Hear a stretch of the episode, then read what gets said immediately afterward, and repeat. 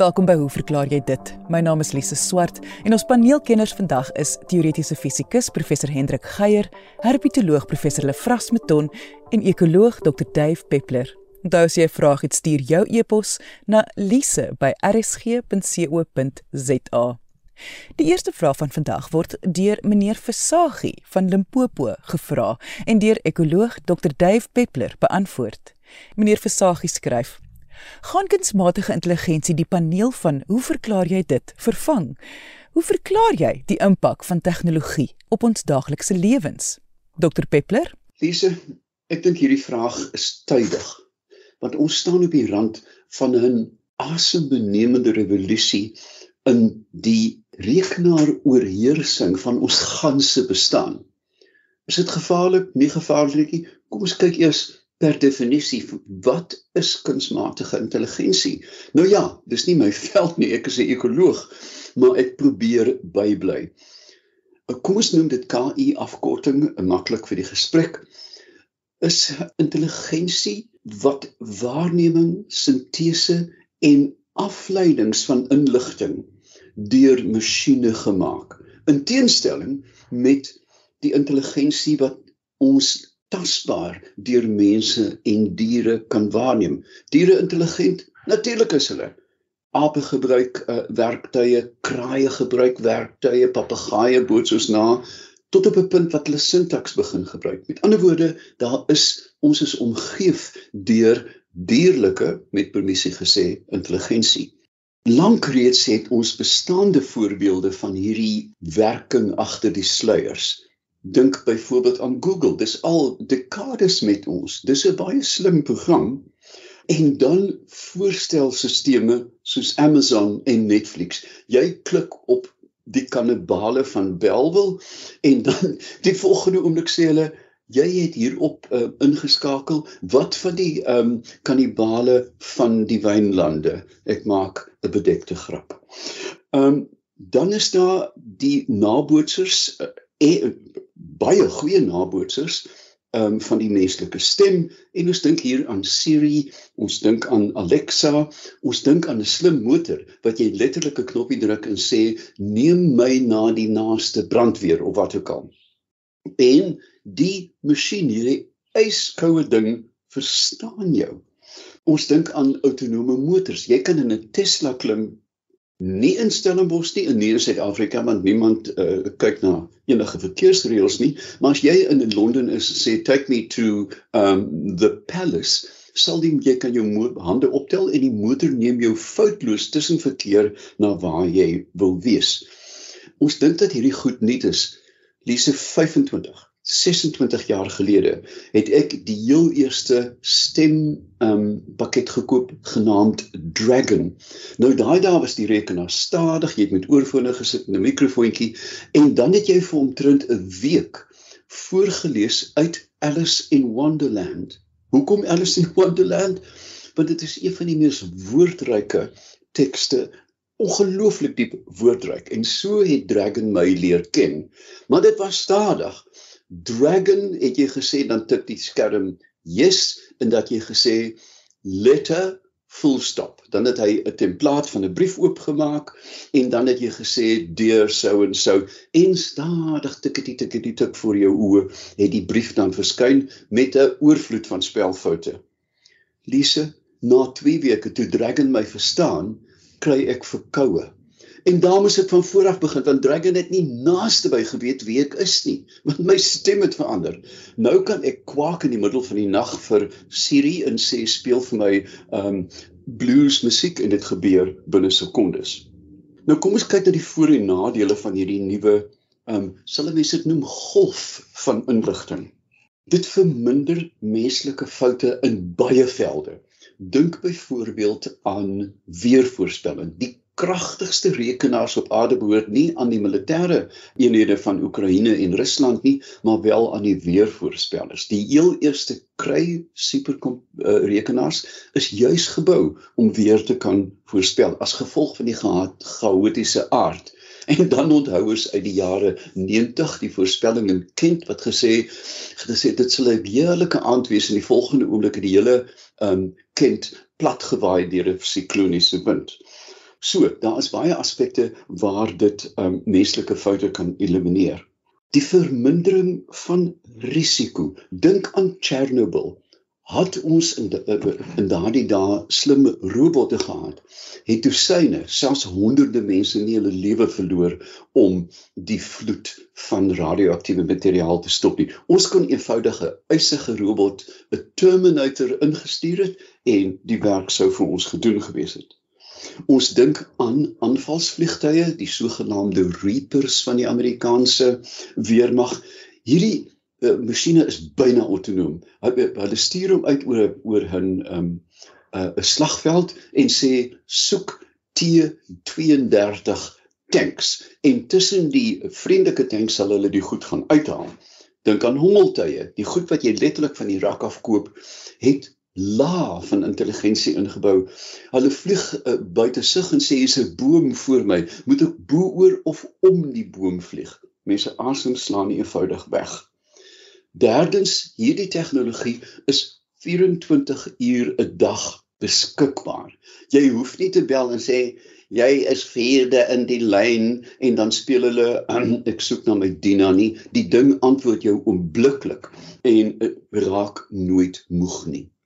Um dit gaan help in meer doenloos vervelige en herhalende werk. Iemand wat in 'n koelaar fabriek sit en kyk na 'n band van koelaars uh, wat uh, dag na dag, maand na maand, jaar na jaar voor sy oë verbyloop. Hierdie rekenaars kan dit maklik doen. Ons dink aan die verifiering van mense by banke. Jy kan eenvoudig met jou oog kyk in 'n kamera, irisse patrone sal erken word en dit gebeur al klaar of met 'n duimafdruk en die lang proses van verifisering word net daar kort geknip. Digitale bystand. Dink aan groot maatskappye en selfs kleiner steesdae. Hier is altyd aan die onderkant van die spyskaart sê, "Wil jy met ons gesels?" Natuurlik wil jy. Jy wil sê, "Hoeveel kos die laaier vir my slimfoon?" Maar weet verseker, dit is 'n masjien wat jou antwoord en nie 'n persoon nie. Blitsige besluitneming is nog 'n voordeel. Het jy al probeer skaak speel met 'n toegewyde rekenaar? Hierdie goed werk letterlik teen die snelheid van lig en jy gaan jou in regte Afrikaans en ek dink dis nie 'n vulgarisme nie, jy gaan jou gat sien as jy die ding probeer wen. En dan natuurlik daaglikse toepassings. Jy kan jou foon optel in 'n steegie van die ooste van Londen en sê neem my na die paleis en foutloos sal jou foon jou soontoe neem in aggenome verkeer wat ook al gebeur weer oorstromings ensovoorts. Dan is daar ook natuurlik nuwe uitvindsels. En hier dink ons aan die mediese wetenskap in terme van diagnose waar met 'n klein aftasting kan siektes soos borskanker jare voor dit posvat reeds gediagnoseer word. Wat is die nadele? Agter die skerms van Google en Amazon en al hierdie reuse werk hierdie stelsel maar teen ontsaglike koste. Wie betaal daarvoor? Jy natuurlik. Maar daar gaan 'n stadium kom waar die inset energie uh, om hierdie stelsel aan die gang te hou, die uitset gaan oorskry. Dink byvoorbeeld aan iets soos Bitcoin. Dis nie 'n intelligente stelsel nie, maar op die oomblik is die is die energieverbruik om hierdie kunsmatige geldeenhede in die lug te hou skrikwekkend hoog en nou begin almal probeer om die insetkoste of energie daarvan te verlaag. Dink aan werkloosheid. Groot ekonomieë soos China en Indië maak staat op goedkoop hande arbeid. Een robot, ek was onlangs in in Swede waar 'n masjien wat bome oes met een operateur die werk van 200 mense inneem. Derdens, daar is 'n gebrek aan emosie. Dit mag verander, maar op die oomblik praat jy met 'n eisige brein. Hy gaan nie vir jou glimlag nie, hy gaan nie grappies maak nie en ek kan vir jou seker op die oomblik gaan daar geen innuendo wees nie. Maar vir my een van die grootste nadele is die sogenaamde uit die boks dink vermoë. Hierdie is kliniese masjiene. Hulle neem eenvoudig die gegeewe data en maak sinteses daarvan. Met ander woorde, eh, daardie Einstein oomblik, daai groot oomblikke van iemand wat oor 'n straat stap, glad nie aan die dink aan sy werk nie en skielik hierdie briljante insig kyk uh, kry. En ek vermoed dat hoe ver ons AI kan druk dit nooit daardie aha oomblik kan herskep nie. Francis Bacon die uh, beeldende kunstenaar het gesê dat werklikheid in kuns is diepgaande kunsmatigheid. Met ander woorde, jy kan 'n rekenaar leer om in die in die vag van Bacon te skilder, maar nooit gaan jy daai neurotiese donker verruklike vonk van sy verstand in die beeld kan sit nie. Niemand kan voorspel Lise waar hierdie tegnologie gaan uitvloei nie. Ek dink egter ons moet katvoet. Fopnies en kubermisdaads is reeds mee met ons. Wees gewaarsku. En dit was ekoloog Dr Dave Peppler. Onthou indien jy 'n vraag het, stuur jou e-pos na lise@rsg.co.za. Jy luister na Hoe verklaar jy dit? My naam is Lise Swart. Lise, ek sal graag wil reageer op 'n onlangse skrywe van iemand wat my gekapittel het oor die feit dat ek uh die woord biljoen gebruik om 1000 miljoen te beskryf in plaas van die amptelike Afrikaanse woord miljard. Uh, en ek wil begin deur uh, te reageer op die persoon se suggestie dat daardie gebruik van 'n biljoen vir 'n 1000 miljoen onwettig is en dat uh, ek miskien liewer die regering moet versoek om die wet te verander wat hierdie dinge bepaal. Nou op die noot dink ek is dit interessant om te weet dat in Frankryk daar inderdaad wetgewing is wat die sogenaamde langskaal onderskryf met ander langskaal impliseer die woord biljoen 'n miljoen miljoen is kortskaal impliseer dat die woord biljoen 'n duisend miljoen is nou in Frankryk het hulle al in 1961 wetgewing deurgevoer wat die langskaal bevestig het terselfdertyd bestaan soortgelyke wetgewing in Brittanje sedert 1974 toe hulle besluit het om anders as hulle Europese genote van daardie tyd die kortskaal te onderskryf waar 'n biljoen 'n 1000 miljoen is. En ek neem aan dit was omdat die toenemende besef dat in die Engelstalige wêreld uh veral in die Amerikaanse en ook in die wetenskapsliteratuur die woord biljoen feitelik deurlopend gebruik word om 'n 1000 miljoen aan te dui. Nou sulke wetgewing bestaan nie in Suid-Afrika nie. Uh ek dink vir die eenvoudige rede dat ons met tevore uh, met twee amptelike landstale gesit het en op die oomblik met 11. So ek dink nie enige iemand gaan probeer om onder daardie omstandighede sulke wetgewing op te stel en af te dwing. So dit is uh, ek dink nie daar's 'n kwessie van wettig of onwettig hier te sprake nie en die regering uh, by ons het geen saak met watter term mens gebruik nie. Ek het verder gaan kers opsteek by my goeie kollega professor Rufus Gous wat luisteraars waarskynlik sal weet, is al vir 'n geruime tyd 'n redakteur van die Handboek van die Afrikaanse taal uh, en ek het hom daaroor uitgevra en ek gaan met sy goedkeuring voorlees. Hy hy haal die jongste HAT aan. Dis die 6ste uitgawe wat in 2015 verskyn het waarvan hy ook 'n mede-redakteur is. Uh en in die 6ste uitgawe staan daar daar's 'n sterk neiging onder Afrikaanssprekendes om onder invloed van veral Amerikaanse Engels biljoen vir 'n 1000 miljoen te gebruik eerder as miljard. Nietemin die standaard gebruik in Afrikaans bly steeds miljard vir 1000 miljoen en biljoen vir miljoen miljoen. Sluit die aanhaling uit die HAT en hy sluit af deur te sê ek dink die taalmakende gemeenskap gaan uiteindelik die deurslag gee en woordeboeke sal soos jy sê dit moet weerspieël. So ek dink ek gaan daarmee volstaan Lize Ehm um, interessant hierdie uitgawe is nou al ag het nou 8 jaar gelede verskyn. Uh mense nogal geïnteresseerd wees om te sien hoe die HAT in sy volgende uitgawe met hierdie woorde gaan omgaan. Uh maar die belangrike punt dink ek is en dit was eintlik ook my punt is dat die persone wat die taal gebruik uiteindelik uh verantwoordelik is vir hoe 'n woord gebruik en geïnterpreteer word en wat my betref in die wetenskapsliteratuur is dit oorwegend so dat biljoen eintlik outomaties as 'n 1000 miljoen gelees en gebruik word en dis hoekom ek ook die gebruik het. So ek ek hoop ons kan daar ek sien nie ons het 'n debat hier oor gehad nie, maar is tog interessant om hieroor te reflekteer en ek hoop uh, niemand is geafronteer deur wat ek nou pas weer gesê het nie. En dit was teoretiese fisikus professor Hendrik Geier. Desiree Sauer van Lepalale skryf: Ek het nooit geweet dat slange bo die water kan beweeg nie.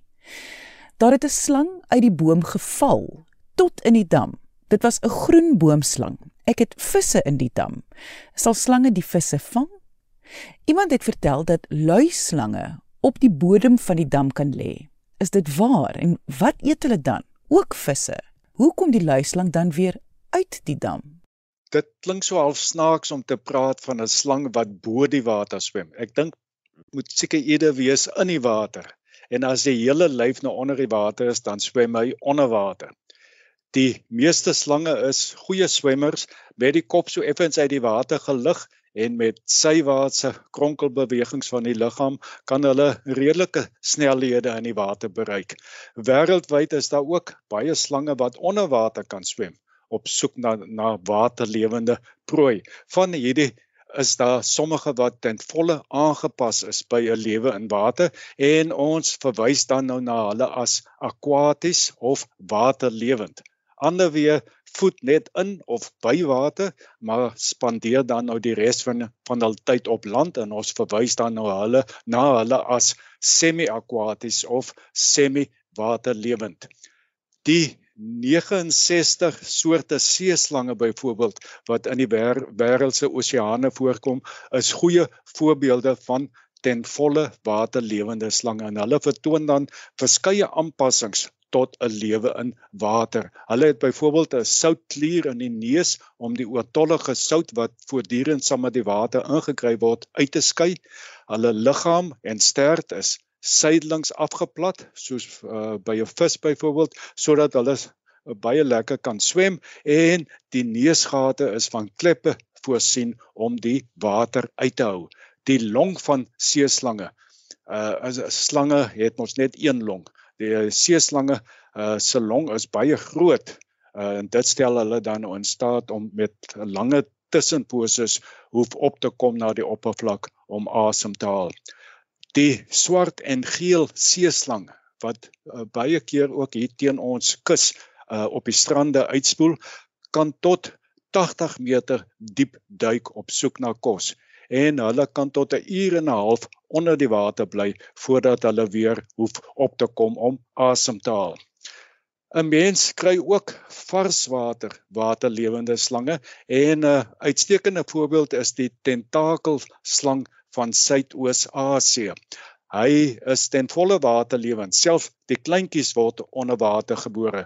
Hy kan tot 'n halfuur onder water bly voor en dan nou weer moet uh, opkom om asem te haal. Nou die slangetjie is maar klein so 50 tot 90 cm in lengte en hy het twee tentakels met uh, wat ons noem 'n meganosensoriese funksie aan die voorkant van sy snoet en hierdie tentakels word gebruik in die vang van vis en hierdie slang se dieet bestaan slegs uit vis. Wêreldwyd is daar ook baie semi-waterlewende slange. Dis nou slange wat watergebonde is, maar ook tyd buite die water spandeer, soos om nou met die son te bak of om uh, buite te oornag of dan ook tydens die paarseisoen is al daardie aktiewe aktiwiteite vind dan ook buite die water plaas. Die meeste van hierdie slange uh sluit paddas en visse in hul dieet in. Ons het geen varswater waterlewende slange in Suid-Afrika nie, maar wel enkele semi-waterlewende soorte. En van hulle sluit dan ook visse in hul dieet in. In die volksmond staan hulle of van hulle bekend as waterslange soos daar byvoorbeeld die swartwaterslang met die wetenskaplike naam Lycodonomorphus laevissimus vir die fynproevers. Hierdie slang is baie watergebonde en hy soek dan nou maar meeste meestal vir sy kos in die water. Sy prooi wat ook klein visse kan uit insluit word onder water heel ingesluk.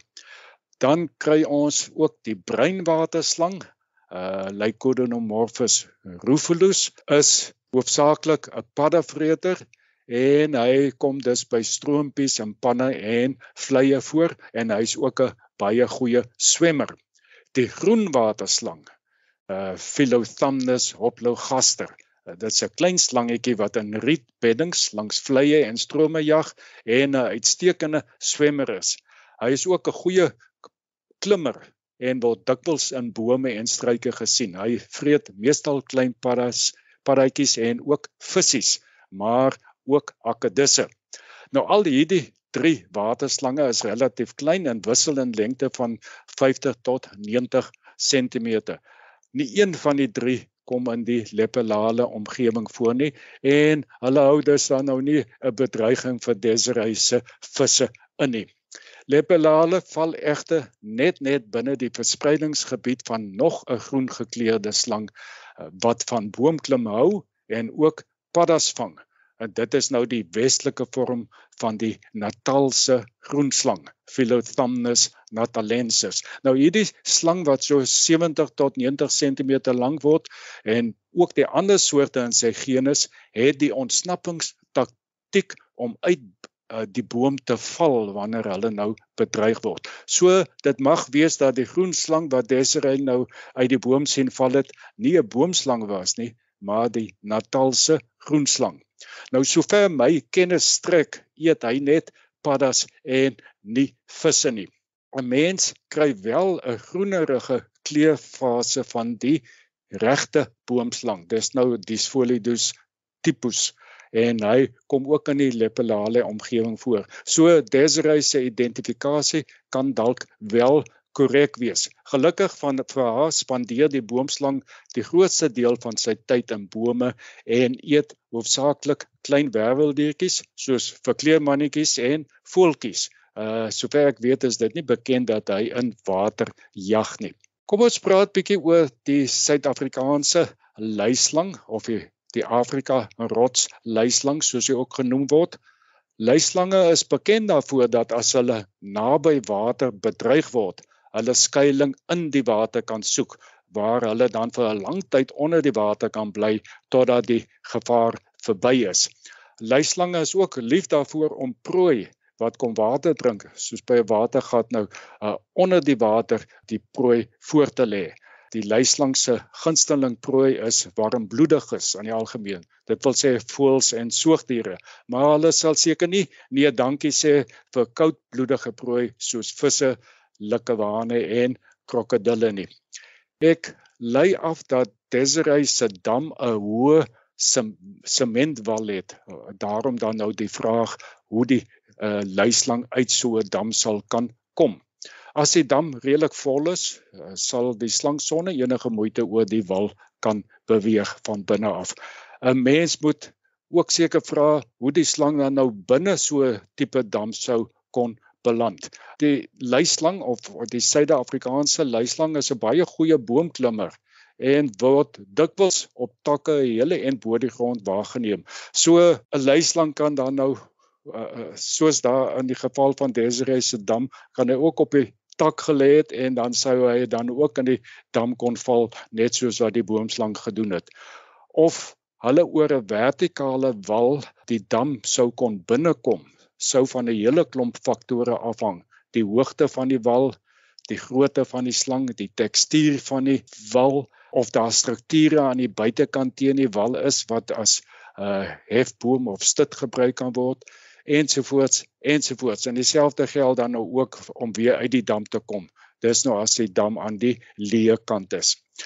Om af te sluit, Desiree, ek dink nie jy hoef uitermate bekommerd te wees dat jou visse daarin lepelale deur slange gevang sal word nie. Dit lyk vir my of dit maar net eintlik die luislang is wat jy moontlik jou visse sou kon vang, maar vis is nou nie eintlik sy voorkeur prooi nie. En dit was herpetoloog professor Lefras Meton. Ek sê baie dankie aan ons kenners en vraagstellers vandag. Onthou om altyd nuuskierig te bly en vra te vra. Tot volgende week hier op RSG saam met my Lise Swart. Totsiens.